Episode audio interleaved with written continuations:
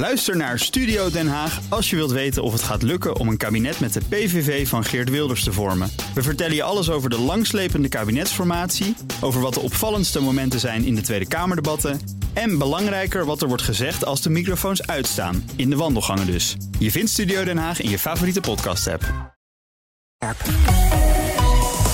BNR Nieuwsradio. BNR breekt. Ivan Verrips.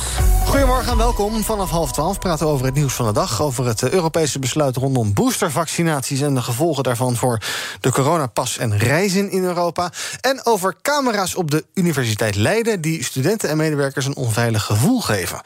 In mijn panel vandaag Emma Mouthaan van skerenstudent.com... met besparings- en beleggingstips voor studenten. En Tom Streepstra, hij is voorzitter van het CDJA. Goedemorgen allebei. Goedemorgen. Good morning. We gaan beginnen met... BNR breekt. Breekijzer. Goedemorgen was misschien toepasselijker geweest. Dat breekijzer luidt vandaag. Het vertrekken van Angela Merkel is een groot verlies voor Europa. Wenn ich heute hier vor Ihnen stehe, dann empfinde ich vor allem dieses Dankbarkeit und Demut. Demut vor dem Amt, das ich so lange ausüben durfte. Dankbarkeit für das Vertrauen, dat ik ervaren durfde. Ja, dat was Merkel vorige week. Na 16 jaar treedt zij dus uh, vanmiddag uh, af als bondskanselier. Olaf Scholz is een uurtje geleden gekozen in de Bondsdag tot kanselier en dat klonk zo. Mitgliederzahl 736. Abgegebene stemmen 707. Ungültige Stimmzettel 3. Mit Ja haben gestimmt 395 Abgeordnete. Nou, toen volgde er een applaus van een dikke minuut, dus dat gaan we niet helemaal uitzenden. Toen gebeurde dit. Herr Olaf Scholz hat die erforderliche Mehrheit von mindestens 369 Stimmen erreicht. Er ist gemäß Artikel 63 Absatz 2 des Grundgesetzes zum Bundeskanzler der Bundesrepublik Deutschland gewählt. Nou, weer een applaus, dan een halve minuut. Jetzt kommt aber die alles entscheidende Frage. Ich frage Sie, Herr Abgeordneter Scholz, nehmen Sie die Wahl an? Das war laut und vernehmlich. Herr Bundeskanzler, ich gratuliere Ihnen im Namen des ganzen Hauses zu Ihrer Wahl. Auch persönlich wünsche ich Ihnen viel Kraft für die voor Ihnen liegenden. Nou, dat was hem dus een uurtje geleden in de Bondsdag in Duitsland. Wij gaan het hebben over uh, Moetie Merkel. Belangrijk voor Duitsland zelf. Ook wel uh, in de rest van Europa speelde zij een grote rol. En vandaag dus het afscheid. Een mooi moment om terug te kijken. Aan de hand van ons breekijzer. Het vertrekken van Angela Merkel is een groot verlies voor Europa. Wat vind jij? Is het een verdrietige dag voor de Europese en de Duitse politiek? En ga je Merkel, haar politiek en haar stijl missen? Of kan je er misschien wel missen als kiespijn? Ben je misschien blij dat ze eindelijk weg is? Maar ja, haar opvolger Scholz, dat lijkt ook niet bepaald een feestnummer. Dus hoe kijk je daar dan naar? Wil je hierover meepraten? Pak dan je telefoon en bel naar 020 468 4 keer 0 020 468 4 keer 0 Wil je niet bellen, maar wel stemmen? Doe het dan via de stories van BNR Nieuwsradio op Instagram. Aan het einde van het half uur krijg je een tussenstandje van me. Zometeen hoor je van mijn panelleden hoe zij erover denken. Ik begin even bij Han ten Broeke, directeur politieke zaken bij het Den Haag Centrum voor Strategische Studies. Ook uh, oud-VVD-Kamerlid was die van 2006 tot 2018. Goedemorgen, Han.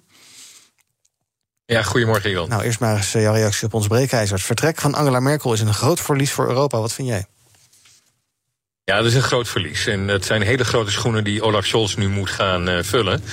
Um, of het heel verdrietig is, weet ik niet. Want de overdracht, de machtsoverdracht, waar jullie net een paar mooie fragmenten van uitzonden.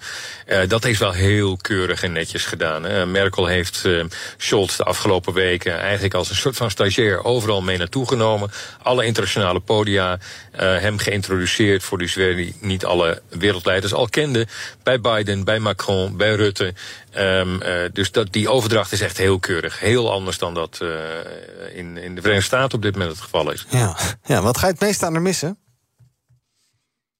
Um, dat ze die combinatie tussen bescheidenheid en totale onbetwiste leider zijn in Europa. Um, er zit een hele aparte leiderschapsstijl.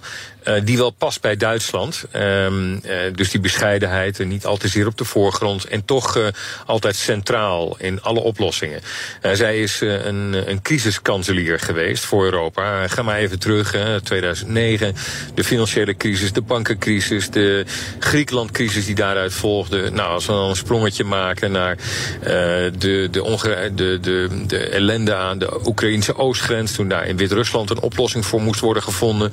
Althans, op dat moment was zij ook, speelde ze een centrale rol. Nu rommelt het daar weer. Hebben we eigenlijk misschien wel heel hard nodig. Dan krijg je in 2015 op het moment met de vluchtelingencrisis en haar beroemde, of misschien wel beruchte uitspraak, weer Schaffendas. En twee jaar geleden nog met de coronacrisis, dat ze het coronafonds optuigden. En heel apart daar was dat ze vaak eh, met Nederland samenspannen, of misschien zelfs wel met Rutte. De Nederlandse rol was dan vaak om voor Duitsland een beetje het water te testen, of misschien zelfs de kooltjes uit het vuur te halen. En op dat moment uh, zaten we in een situatie dat eigenlijk Merkel al met Frankrijk had besloten dat het coronafonds er sowieso moest komen. En Nederland dreigde een beetje tegenover Duitsland te komen, uh, komen te staan. En Nederland, in dit geval Rutte, echt een B moest bijtrekken om op het allerlaatst nog diep in de nacht ook zijn handtekening aan dat uh, coronafonds te geven. Ja. laten we zo even verder praten over haar stijl, over de verandering die we nu gaan zien van Merkel naar Scholz. Um, ik praat eerst even met mijn panel. twee panelleden, ikzelf ook, die eigenlijk zijn opgegroeid met, met Merkel. Als je aan Duitsland denkt, denk je aan Merkel. Ik moest ook even opzoeken wie daar eigenlijk voor Merkel was, bijvoorbeeld als bondskanselier. Um, uh, het vertrekken van Angela Merkel is een groot verlies voor Europa. Vraag ik ook aan mijn panelleden. Nou, Emma, wat vind jij? Ga je missen? Uh, ja, ik ga er wel missen, want ze heeft wel een, een bekend gezicht natuurlijk. En ik denk ook dat ze wel hier een soort van stabiele, stabiele factor was in de politiek. Ook een beetje saai. Ja, saai, stabiel. Het is maar hoe je er naar kijkt. Mm -hmm. niet per se een slechte eigenschap. Nee, niet per se. Nee. nee. Heb je enige verwachtingen van Olaf Scholz? Of denk je van, nou, ik zie het wel en... Geen idee. Nee. Ik, uh, ik zie het wel, ja. ja. ja. voor jou is het natuurlijk wel een uh, verdrietige dag, uh, Tom. Want ja, CDA, dat is dan toch... je bent toch wel een beetje een geestesgenoot van Merkel. Ja, en ik denk dat het absoluut ehm, jammer is voor Europa... dat ze nou, nu vertrekt. En als we kijken naar de afgelopen jaren... dan zien we daar inderdaad die vluchtelingencrisis, een eurocrisis, de brexit. Maar nog steeds bestaat de EU. En ik denk dat we dat grotendeels te danken hebben aan Merkel... die de boel bij elkaar probeerde te houden. Historisch ook heel belangrijk de samenwerking met Frankrijk, met Macron. Um, maar Schulz heeft wel uh, grote schoenen om te vullen. Het is ontzettend uh, grote uitdaging. Want als we nu kijken naar Frankrijk en Italië, die toch een soort van toenadering bij elkaar zoeken. Er wordt al gesproken van een dragon, Draghi en Macron. Uh, dan is het de vraag van gaat Schulz en Duitsland daarin mee? Of um, nou, zijn ze dus iets terughoudend en wordt de rol van Duitsland in Europa ook iets minder? Uh, Merkel was natuurlijk ook een soort van brugfunctie tussen Rusland en de EU. En ik denk dat Oekraïne de eerste grootste, uh, grote test wordt. En dat het ook niet helemaal verrassend is dat juist Poetin nu die spanning opzoekt bij de Oekraïnse grens. Mm -hmm. Met een nou, heel, relatief nieuwe president in Amerika, Biden, en een nieuwe kanselier in Duitsland. Dus uh, dat zijn zeker grote uitdagingen. Ja, ik ga jullie zo allemaal nog eventjes uh, forceren om ook uh, kritisch te zijn. Um, um, maar eerst toch eventjes een hand. Deel jij die analyse van, van Tom? dat, ja, het, het, dat, dat Duitsland misschien wel momentum aan het verliezen is in Europa... en dat inderdaad Scholz er heel veel aan zal moeten doen om dat te behouden? Ik, ik deel de analyse van Tom helemaal. Dat het er nu op aankomt dat Scholz laat zien dat hij um, die grote schoenen van Merkel, laten we dat dan nog maar een keer ja. zeggen, niet onderbiedig bedoeld, dat hij die kan vullen. Um, waar het op aankomt nu eerst, en daar uh, zal hij een onderscheid moeten maken met Merkel, is dat de vraagstukken waar de Europese Unie zich voor gesteld staan in toenemende mate te maken met geopolitiek. Kijk, in het rijtje wat zowel Tom als ik zojuist noemde, uh, zat Oekraïne. Um, een paar jaar geleden heeft Merkel zelf uh, voor gezorgd gezorgd dat er in Wit-Rusland toen nog een, um, in ieder geval een staakt het vuren kon worden bereikt. Nu worden ze inderdaad, uh, uh, zowel uh, Scholz als, als Biden, die natuurlijk niet, niet helemaal onervaren zijn, worden inderdaad getest op het internationale toneel. Daar wordt ook Europa getest. We worden eigenlijk allemaal getest. Wat is het ontwaard, wat daar, wat daar gebeurt? Kunnen we daar helder zijn richting Rusland? Rusland is toch een beetje de lakmoesproef. En dan kom je dus altijd automatisch bij Duitsland terecht. Want Duitsland is het land dat je goed moet volgen om te zien zien hoe je op Rusland en op uh, Poetin moet reageren. Merkel heeft daar een grote staat van dienst. Daar zal Scholz zich echt nog moeten bewijzen. Uh, dus dat zullen we moeten afwachten. En daar, uh, ja, daar, moet hij, daar moet hij laten zien wat hij kan. Ja. Dirk, goedemorgen. Goedemorgen. Zeg het maar. nou, ik denk dat Merkel het ene oog was in het land der blinden. Dus. En ik denk ook dat ze meer in de pink had als menigeen in zijn stomme lijf. Dus eh, we gaan het zwaar missen. Ja, heb, je, heb je enige verwachtingen van Olaf Scholz... of zie je wel hoe dat eh, gaat lopen? Ja, dat, dat, dat is koffiedik kijken. Ja. Dat is, dat is met eh, zo'n beetje alles Ja, dus op, dat, op dit, dit moment. ja, dus dat moeten we dan beter niet gaan doen. Dank voor het bellen. Wil je ook reageren? Ons breekijzer is eh, vandaag... eh, het vertrekken van Angela Merkel is een groot verlies voor Europa. Ons telefoonnummer is 020 468 4 keer 0 020 468 4 keer 0 Wat ik al zei, ik ga jullie ook even forceren... om eh, toch ook kritisch te zijn op haar. Eh, wat zijn nou dingen, Tom, in jouw analyse... die Merkel niet goed heeft gedaan? Waar is ze nou gierend uit de bocht gevlogen? Want je kan niet beweren dat 16 jaar allemaal rimpelloos voorbij zijn gegaan, toch? Nee, en, en nou ja, dat is. Hè, dan kijk ik vooral nu naar het programma. Dan zien we dat er echt actie uitstraalt. Dus actie een leidende rol in Europa, maar ook met de klimaataanpak, met eh, nou, meer een sociaal akkoord. En ik denk dat dat eh, misschien is. Iets was waarom de mensen ook niet op CDU hebben gestemd. Omdat ze zoiets hadden van ja, we willen een verandering. Ehm, en Merkel was misschien stabiel, gaat rustig door. Ehm, ja, daar kun je mee eens zijn. Maar mensen willen nu echt iets anders. Ja. Kan Scholz die verandering bieden, Han, denk je? Want je zei al, eh, Merkel heeft hem als een soort stagiair eh, ja, mee uitgenomen de afgelopen tijd. De analyses zijn ook, uh, Scholz probeert Merkel een beetje na te doen eigenlijk. Hij probeert een beetje Merkel 2.0 te zijn. Kan Scholz die verandering bieden?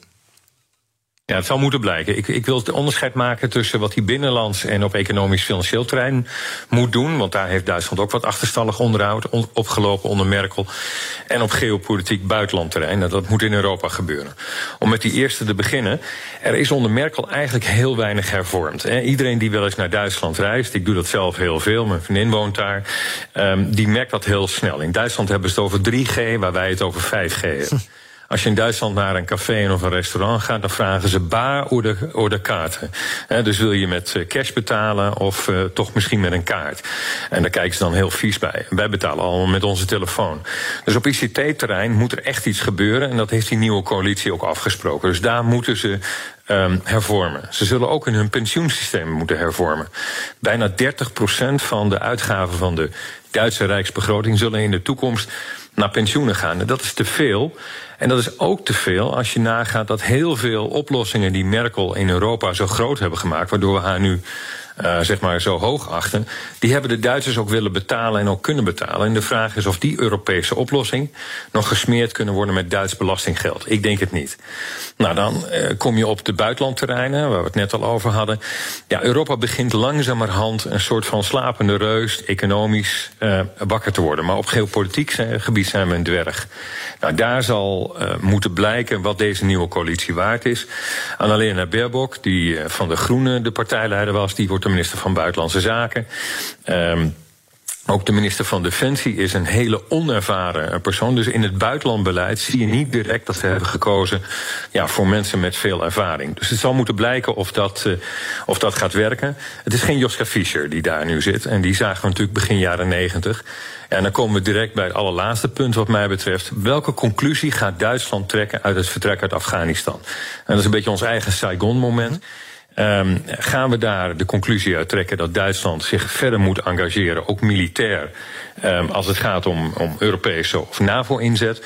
Of trekt Duitsland zich terug, omdat we weten dat Duitsland toch ook wel een pacifistische traditie heeft, die van links tot rechts in de politiek geldt? Dus dat zijn de drie dingen die, uh, waar ik op ga letten de komende jaren. Ja, uh, Emma, um, Merkel dus 16 jaar, wij hebben Rutte, die is al uh, 11 jaar premier. Zit er een houdbaarheidsdatum aan dit soort leiders? Uh, of had jij gezegd van nou, als Merkel er nog tien jaar had gezeten, ik had het wel prima gevonden. Ik denk wel dat er een houdbaarheidsdatum aan zit. Ja, wat Tom ook zei, op een gegeven moment willen mensen toch veranderingen. En ik denk dat dat gewoon zelfs al zegt Rutte bijvoorbeeld een nieuw leiderschap. Mm -hmm. Dat is gewoon lastig, want het is wel dezelfde persoon en nou ja, ook veel dezelfde mensen die weer op ongeveer dezelfde plekken terechtkomen. Dus ja, dan is het lastig om verandering door te voeren. Ja, en dan is het is dan is dan wanneer is dan te veel? Kan je dat zeggen of is dat ook per persoon afhankelijk? Is dat... uh, I don't know, misschien. Vind je uh... tijd dat Rutte eens een keer opstapt? Of zeg je van nou, daar zou ik nog een rondje mee door willen? Ja, ik zou wel uh, iemand anders daar willen zien zitten. Ja, ja, ja, een beetje van de persoon af. In die, in die, in die afscheidsbijeenkomst afgelopen donderdag uh, waarschuwden ze voor uh, antidemocratische tendensen en samenzweringstheorieën. Heeft uh, Merkel, Tom, daar zelf een goed antwoord? Ook op ja, polarisatie in de samenleving, uh, opkomst van, van partijen als AFD en dergelijke. Ehm, heeft zij daar een goed antwoord op kunnen formuleren de afgelopen tijd? Nou, het kan altijd meer, maar ik vind van wel. Um, als je bijvoorbeeld ziet hoe Merkel de Duitse Bundestag heeft toegesproken, ook wat betreft corona, dan is dat een heel, um, nou, bijna persoonlijk pleidooi waarom het zo nodig is om een prik te halen of om je aan die maatregelen te houden. Om zo ook, um, nou ja, die antidemocratische geluiden of nou ja, meer twijfelzaaiende geluiden uh, te weerleggen. En ik vond dat een ontzettende krachtige toespraak van haar bij het uh, parlement. Dus uh, wat mij betreft heeft ze dat zeker gedaan. Ja. Als we even terugkijken ook naar jouw tijd als Kamerlid, Han. jij was woordvoerder Buitenlandse Zaken. hoe, hoe, heb je dan, heb je dan überhaupt... Ja, je zal denk ik niet heel veel contact met Merkel zelf hebben... maar hoe, hoe gaat dat contact met Duitsland... en welke rol speelt Merkel daarin voor jou als parlementariër toen ter tijd? Ja, ik heb, ik heb haar niet, uh, niet ontmoet, hooguit van afstand mogen bewonderen. Dus, dus het persoonlijke contact, uh, daar kan ik niet over meespreken. Mm -hmm. Um, uh, we hebben wel heel veel contact op parlementair niveau met onze collega's in de Duitse Bondsdag. En dat hebben we ook heel erg gekoesterd. Dat minstens een paar keer per jaar dat je um, elkaar bezoekt, uh, dat je contact hebt over de telefoon, uh, dat de vaste Kamercommissies van Europese en buitenlandse zaken, ook hun en, en defensie bijvoorbeeld, waar ik zelf voorzitter van was, dat je met de Duitsers contact in, uh, uh, voortdurend contact zoek. We hebben bijvoorbeeld ervoor gezorgd dat we makkelijker uh, met elkaar contact kunnen hebben als we gezamenlijk militairen inzetten. In Mali hebben we dat gedaan, in het noorden van Afghanistan. Dus dat zijn zaken waar we echt intensief met elkaar overleggen. Um, er is ook een, een, een Nederlands-Duitse parlementaire werkgroep, zou je kunnen zeggen. Dus op parlementair niveau zit dat eigenlijk wel goed. En dat gaan we alleen nog maar intensiveren. Otto Frieke is een, ja, een persoonlijke vriend van mij. ik ken heel veel Nederlandse politici. En er zijn veel Duitse politici die overigens behoorlijk uh, Nederlands spreken. Uh, omgekeerd uh, moeten we dat misschien ook wat meer gaan leren. Want Duitsland wordt een, ja, een bijzonder belangrijk land voor ons. Ja. Was het al en blijft het. Heb jij nog onderwerpen bij Merkel waarvan je denkt van ja, dat heeft ze inderdaad misschien totaal verkeerd aangepakt of daar is het helemaal fout gegaan? Ehm, inderdaad, ik, je zei net zelf al Afghanistan. Nou ja, dat hebben wij als Nederland niet goed gedaan, maar dat hebben eigenlijk heel veel landen niet goed gedaan. Misschien dat alleen de VS daar ehm, en zelfs daar, maar goed dat de VS daar alleen goed gehandeld heeft of adequaat gehandeld heeft. Hoe, hoe is de rol van Merkel daar bijvoorbeeld geweest? Nou ja, kijk, daar heeft Merkel geen verschil kunnen maken. Hè. Het vertrek uit Afghanistan, het vertrek uit Kabul. Ik vergeleek het net al met uh, het vertrek van de Amerikanen in Vietnam uh, destijds. Um, daar hebben we met z'n allen gezien dat we, hoewel we al een jaar of vier, vijf weet dat de Amerikanen zich aan het terugtrekken zijn, dat geen enkel Europees land zijn vinger heeft opgestoken om te zeggen, nou dan nemen wij die rol over. Konden we ook niet. En dat geeft aan dat we met al onze discussies over Europese defensie en defensiesamenwerking, ja, dat dat vooral uh, discussies en, en, en papier is. En dat we in werkelijkheid daar niet zo heel veel kunnen doen. Tegelijkertijd is wel interessant als je op defensiegebied bekijkt welke landen nu eigenlijk het best met elkaar samenwerken. En daar hebben Nederland en Duitsland wel iets bijzonders gedaan. We hebben tijdens de bezuiniging in 2009 hebben we onze tanks wegbezuinigd, de Leopard tanks. De Duitsers uh, die hielden die tanks, maar die hadden heel weinig, manschappen. Er is nu een, uh, een Duitse uh, grote tankdivisie. Daar zit een Nederlandse, zit een Nederlandse legereenheid onder. en dat is een vorm van Europese defensieintegratie die je eigenlijk nergens ziet. En daarmee geven we het voorbeeld van hoe het wel kan. En ik denk dat dat ook de opmaat is van iets wat je de komende jaren meer zult gaan zien. Dat je eh, meer Europese defensieinspanningen zult zien die niet per se via Brussel lopen. Dus niet per se via Tom, uh, maar zeg maar via de hoofdsteden. En dat is precies zoals het moet en waar het ook het meest effectief zal zijn. Ja.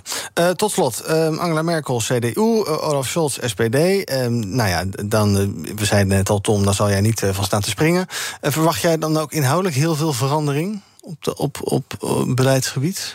Um, ja, nou ja, er zullen andere nuances uh, komen te liggen. Bijvoorbeeld wat minder op het bedrijfsleven. Uh, ik, buitenlandse zaken, ik ben ook ontzettend benieuwd uh, hoe dat gaat. Aan de andere kant, vanochtend was er ook een tweet van Lachette... die zegt van, ja, natuurlijk was dit niet de uitslag die we hadden gehoopt... maar ehm, dit is wel een democratisch proces, dit is een democratische uitslag. En daar kunnen we alleen maar trots op zijn dat dit zo gelopen is. En ik denk dat dat gewoon een hele mooie instelling is. Ehm, en, en dat is hetzelfde als in Nederland. Soms verlies je, soms win je. eh, maar je wilt het beste doen voor het land. Ja. Eh, Han, wat zou jij Merkel eh, toewensen voor de komende tijd? Eh, ten eerste dat ze haar eigen wens, namelijk dat ze eindelijk eens kan uitslapen, kan, eh, kan gaan vervullen. Dus dat gun ik haar van harte. Ik denk dat ze ook gaat wandelen met haar man in de, in de Alpen. Dat doet ze ook heel graag. Of dat eh, de komende weken gelukt, weet ik niet. En uh, ja, dan zal ze um, ja, misschien iets gaan doen, misschien niets gaan doen. Er zijn geruchten dat ze door Obama zou zijn gevraagd om zich te committeren aan, aan zijn denktank. Dat zou heel goed kunnen. Um, ik denk altijd bij mezelf, ze is natuurlijk ook een uh, fysica. Het is iemand met een, een, een geweldige uh, opleiding. Misschien moet ze, als het gaat om Europese ruimtevaartinspanningen iets gaan doen, zouden we daar de grote leider van moeten maken. Daar kan Europa ook nog wel een partijtje meeblazen. Dat zou in ons alle voordeel zijn. Oh, ja. Dus we zullen het zien. We gaan het zien. Dank voor je suggesties. Hand en Broeke, directeur politieke zaken bij het Den Haag Centrum voor Strategische Studies. Je zal maar zo lang aan de top van, uh, van een kabinet, van, een regering zitten. Ik kan me er echt niks bij voorstellen, Emma. Net als, maar ook de, de Ruttes en de, de jongens van deze wereld. En ze zijn alomtegenwoordig. Ze maken vast ook allemaal dagelijks grove fouten. Maar hoe hou je dat in vredesnaam vol? Ja, ik heb daar wat dat betreft heel veel respect voor voor politici. Het is gewoon een hele zware taak om, uh, om een land te leiden. Ja. ja. Ik kan me er gewoon niks bij voorstellen. Die vrouw dus ook maar vier uur per nacht slapen. Nou ja, goed. Fascinerend. Um, Olaf Scholz neemt het stokje over. Vanmiddag uh, gaat dat gebeuren. Scholz legt uh, later vandaag de ambtseed af. Dan worden ook de ministers beëdigd. Drie uur worden de taken van Merkel overgedragen. En dan is ze dus net niet de langzittende bondskanselier van Duitsland. Want dat was Helmoet Kool. scheelt een paar weken. Nou ja, goed. Uh, tot zover onze breekijzer. Onze stelling waar jij op kon reageren. Het vertrekken van Angela Merkel is een groot verlies voor Europa. Ik ga nog eventjes kijken op Instagram. Hoe we op het BNR Nieuwsradio onze luisteraars hebben gereageerd. En dan dus vooral uiteraard de mensen die daar gestemd hebben. 70% is het met die stelling eens. Zometeen in het tweede deel van BNR Breekt gaan we praten over de coronareispas. Vanaf 1 februari alleen nog geldig als je op tijd een boostervaccinatie hebt gehaald. We hebben het over koning Willem-Alexander. Die heeft besloten om niet naar de Olympische Winterspelen in Peking te gaan. Maar het argument dat hij daarbij gebruikt, is dat wel helemaal eerlijk. En over taxichauffeurs in Amsterdam. Dat zijn vaak boefjes. Hoor je allemaal zometeen in BNR Breekt. Tot zo. Bij BNR ben je altijd als eerste op de hoogte van het laatste nieuws. Luister dagelijks live via internet. Bas van Werven. En heel langzaam komt de zon op rond dit tijdstip. Je krijgt inzicht in de dag die komt op BNR, het Binnenhof in Nederland en de rest van de wereld. De Ochtendspits. Voor de beste start van je werkdag. Blijf scherp en mis niets. Blijf scherp. BNR Nieuwsradio. BNR breekt. Ivan Verrips. Met in mijn panel Emma Mouthaan van skerestudent.com... en Tom Scheepstra van het CDJA. En we gaan praten over het nieuws van de dag. Um, belangrijk nieuws uh, komt uit Brussel. Een boosterprik zal noodzakelijk worden als je wil gaan reizen binnen Europa. Want de coronapas voor reizen is vanaf 1 februari niet meer geldig... als je geen boosterprik gehaald hebt. Althans, um, als je negen maanden na je volledige vaccinatie bent. Dat hebben de uh, althans de ministers van Volksgezondheid... en namens Nederland zit daar dan uh, de jongen bij hebben dat besloten in Brussel. Um, en ja, negen maanden na je laatste vaccinatie moet je dus een derde prik gehaald hebben. Anders krijg je geen QR-code meer op basis van je vaccinatie. Um, het werd een beetje. Het maakte niet heel veel headlines, dit nieuws. Maar het is toch wel een forse inperking van uh, ja, rechten als uh, vrij verkeer van personen en dat soort zaken. En ik dacht dat het idee toch was in Schengen dat je lekker vrij kon rondreizen. Emma, maar nu uh, moet je gewoon eerst prikken. En anders kan je oneindig testen, dat kan wel. Maar eerst prikken en dan pas reizen. Vind je ervan? Uh, ik vind het lastig. Ja, volgens mij is het op dit moment natuurlijk ook dat je met, met vaccinatie alleen mag reizen, toch? En anders moet je ook testen. Dus dat eigenlijk vind ik dat al, dat dat nu ook al is, vind ik eigenlijk ook al best wel nou ja, gek of zo, best ver gaan. Maar ja, nu wordt het weer aangescherpt. Um, en dan denk ik, ja, het wordt nu aangescherpt. Maar betekent het dan over een jaar dat, dat je vier prikken moet hebben gehad? Of dat je dan ook ja. weer binnen negen maanden je laatste prik moet hebben gehad of zo? Of, ja, nou ja, dat weet gevoel niet. krijg je wel dat je elke negen maanden een prik moet gaan halen. Ja, ja, ja. Is dat voor jou, uh, ga je, zou je daaraan meedoen? Ja, ik zou het wel Ja. doen. Maar ik hou niet van naalden. Dus Nee. ja, liever niet. Maar ik zou het wel doen. Ja. Maar goed, ik denk ook, zeg maar, ik ben dus wel gevaccineerd.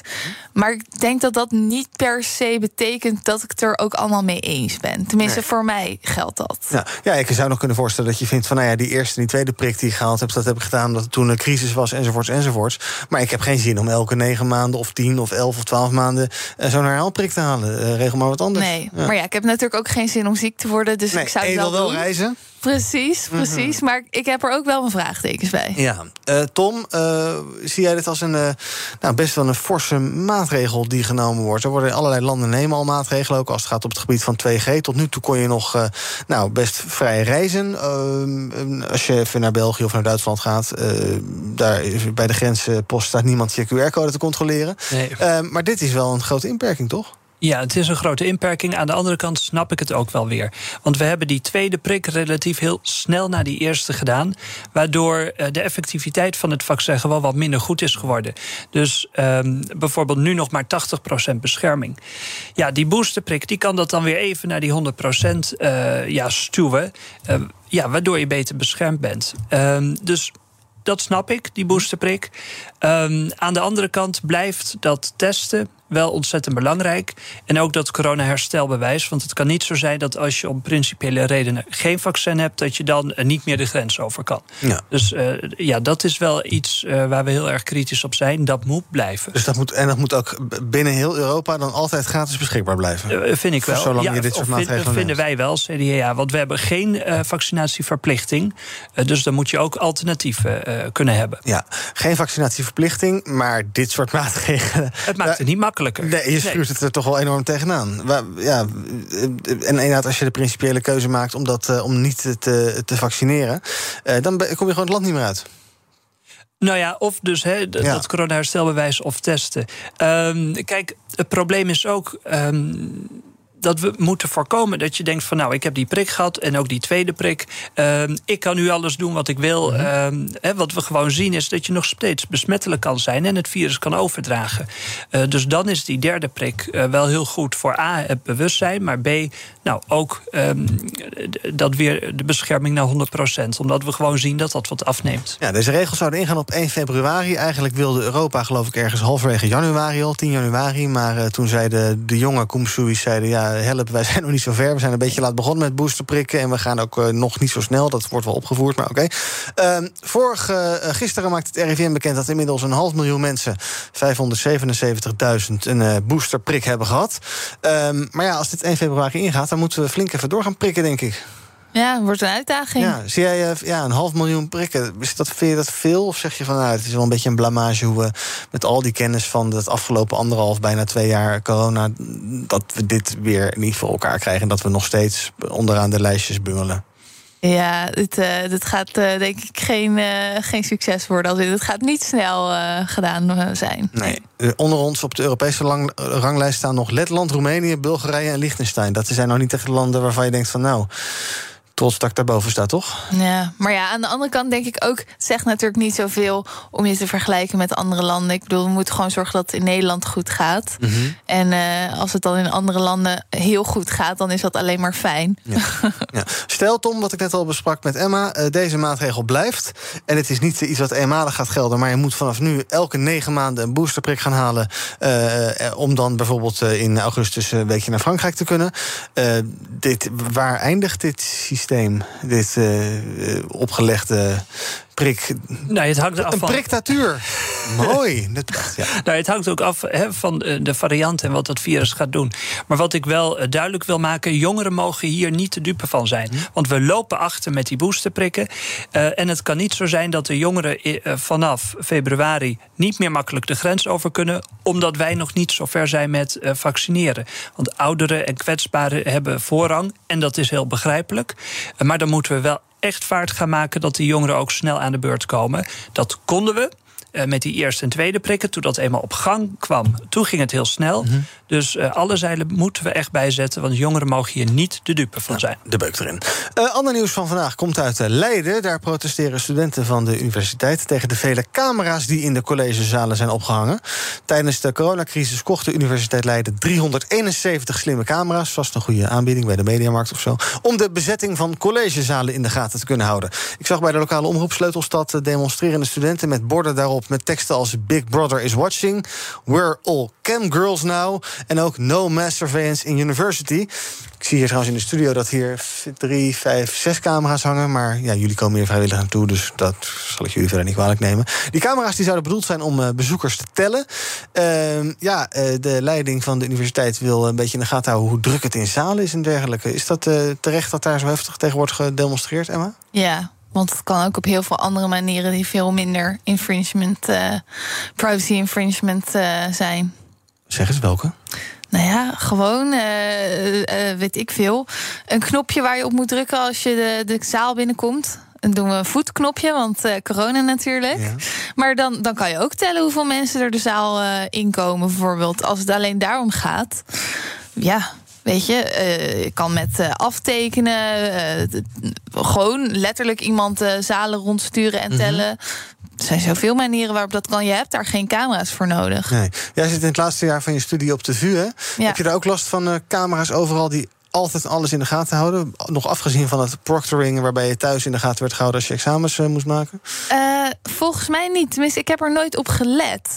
Maar, Kijk, maar is goed om je heen. Uh, precies, ik zal, eens, ik zal eens opletten als ik er weer ben deze week. Mm -hmm. Tom, wat vind jij? camera's op universiteiten. ja, je, een van de initiatiefnemers van het protest zegt... deze camera's kunnen ook je lengte meten, je leeftijd inschatten... je geslacht zien of je een mondkapje draagt of niet. Het is een soort universiteit als politie. Nou, precies. Ik vind het ook vrij idioot. Meters van alles wat gewoon niet relevant is. Um, aan de andere kant, het waren 370 camera's. Uh, hoeveel euro kost dat? Mm -hmm. De universiteit heeft gezegd dat is alleen voor coronatijd. Nou, dan moet ik nog maar zien hè, of ze volgend jaar ook echt allemaal in de prullenbak gaan. Um, het zorgt ook niet voor een veilige sfeer op, op de universiteit.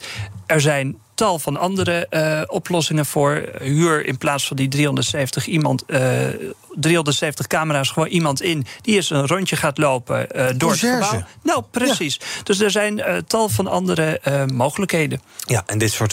dus vind jij dan mass surveillance wel inderdaad iets, een woord dat je hier wel op kan plakken en wat je dus niet moet willen? Ja, ik, ja, ik vind dit echt te ver gaan en ja, iets wat we niet zouden moeten willen. BNR breekt. Thomas van Zel, was je een dagje vrij? Ja. Vond het leuk. Er stond hier in mijn draaiboek bij ons Thomas van Zel. Maar opeens stond Edwin Mooibroek er. Was toch nog scherp genoeg om te zien dat ja, ik het niet ja, ja, ja, Kijk eens aan. Ja, en ik ken Edwin Mooibroek, dus dat ging ook allemaal goed. Dat ook wel een hoop. Maar je bent er weer. Ja, leuk. en ik heb er zin in. Met uh, Hein Schumacher, de topman van uh, Friesland Campina. Henk Schumacher? Nee, dat ik niet Hein. Oh, Hein, ja. Klein subtiel verschil. Ja, ik hoorde het Ik zal hem uh, eens nagaan op tatoeages. Misschien dat er ook camera's voor me staan. Maar goed, dat terzijde. Uh, Friesland Campina heeft, uh, ja, dat kan je over veel bedrijven zeggen... maar een roerige periode achter de rug. En niet alleen vanwege corona. Maar de coöperatie moet het eens zien te worden... over belangrijke maatschappelijke opgaven voor de landbouw. Onder andere de stikstofuitstoot. Wat doen we met allemaal dure, chique keurmerken? Kunnen boeren daar wel in mee? Nou, dat gaan we allemaal bespreken. Ik begin zo meteen met de kwestie van de vakbonden... richting chemiebedrijf Nourion. Vakbonden zijn boos omdat mensen daar verplicht op kantoor moeten verschijnen. En dat is toch tegen dat thuiswerkadvies in. Het lobbypanel is er ook. Onder andere over het uitblijven van steun, specifieke steun aan ZZP'ers. Valt er nog iets uh, aan te doen in de vorm van bijvoorbeeld een kamerdebat en de beïnvloeding van politici? Dat allemaal. Op de dag dat ik na een dag vrij gewoon weer terug ben bij BNR Zaken. Fijn. Nou, belangrijk. Maar net, die tattoo-koning heet helemaal niet Schumacher, die heet Schiefmacher. Kijk, zijn we allebei toch uh, op de vingers getikt hier. Ja, oké. Okay. Plastisch chirurg. Nou ja, goed, nevermind. Uh, zometeen dus Hein Schumacher. Uh, Schumacher. Dat, dat, dat, ja, luisteren. Thomas gaat het zometeen wel goed uitspreken. De CEO van uh, Friesland Campina. Zometeen om 12 uur zaken doen. BNR Break. Met Emma Mouthaan in mijn panel en Tom Scheepstra. We gaan kijken wat jullie opviel in het uh, nieuws. Tom, jij wil het graag hebben over de koning. Die heeft namelijk besloten om niet naar de Olympische Winterspelen in Beijing te gaan. Dat heeft de demissionair minister van Buitenlandse Zaken Knapen gezegd. Vanwege corona. Wel toevalligerwijs een dagje nadat de VS die diplomatieke boycott formeel aankondigde. Um, wat vind je daar opvallend aan? Ja, ik vind is... het heel uh, bijzonder. Hè? De officiële reden is: um, supporters kunnen niet naar China. Dus dan gaat de koning als een soort van supersupporter ook niet. Hmm. Want, nou ja, dat ge geeft een verkeerd beeld. Aan de andere kant zien we nu ook de afgelopen dagen uh, inderdaad een internationale boycott richting uh, China gaan. Dat we vooral niet daar naartoe moeten vanwege politieke redenen. De Oeigoeren, Taiwan, Hongkong. Er zijn daar tal van nou ja, politieke moeilijkheden. Mensenrechten zijn in het geding. Nou, Dat lijkt mij een hele geldige reden om niet naar China te gaan. Maar wat zegt Nederland? Nee, we gaan niet, omdat de supporters ook niet kunnen. Ja, dan denk ik van volgens mij is dit een gemiste kans voor Nederland. Dat mensenrechten heel hoog in het vaandel heeft staan. Om uh, nou hier eens een keer een statement van te maken. Ja, we hebben het hier uh, gisteren of eergisteren, ik denk eergisteren over gehad in uh, onze breekijzer. En toen was de conclusie eigenlijk: ja, als Nederland dat doet, prima. Maar dit zet natuurlijk geen zoden aan de dijk. Dus waarom zouden we daar zo'n statement over gaan maken? Nou ja, maar Nederland is niet alleen. Dit leeft ook in uh, de Verenigde Staten. Ik denk dat we ook andere West-Europese landen hier uh, nou echt wel achter kunnen krijgen. Um, Australië, Nieuw-Zeeland. Dus nou, we moeten de kracht van Nederland ook niet onderschatten. Mm -hmm. Uh, Alexander is uh, erelid van het IOC. Dus um, ja, dan zou je toch denken dat hij misschien als, als erelid wel alsnog die kant op moet. Ook al is het corona. Hè. We weten, de Chinezen zijn ook vrij terughoudend met het uitnodigen van allerlei externe gasten en dergelijke. Maar ja, als je erelid van het, van het Internationaal Olympisch Comité bent, dan moet je er gewoon heen gaan, Emma. Uh, nee, ik ben het er op zich ook wel mee eens dat het ook vanwege een schending van mensenrechten een goede, is, goede zet is om niet te gaan. Dus um, ja, het is inderdaad jammer dat, dat, dat ze dat niet als reden geven. Of dat dat misschien helemaal geen reden is, dat weten we natuurlijk niet.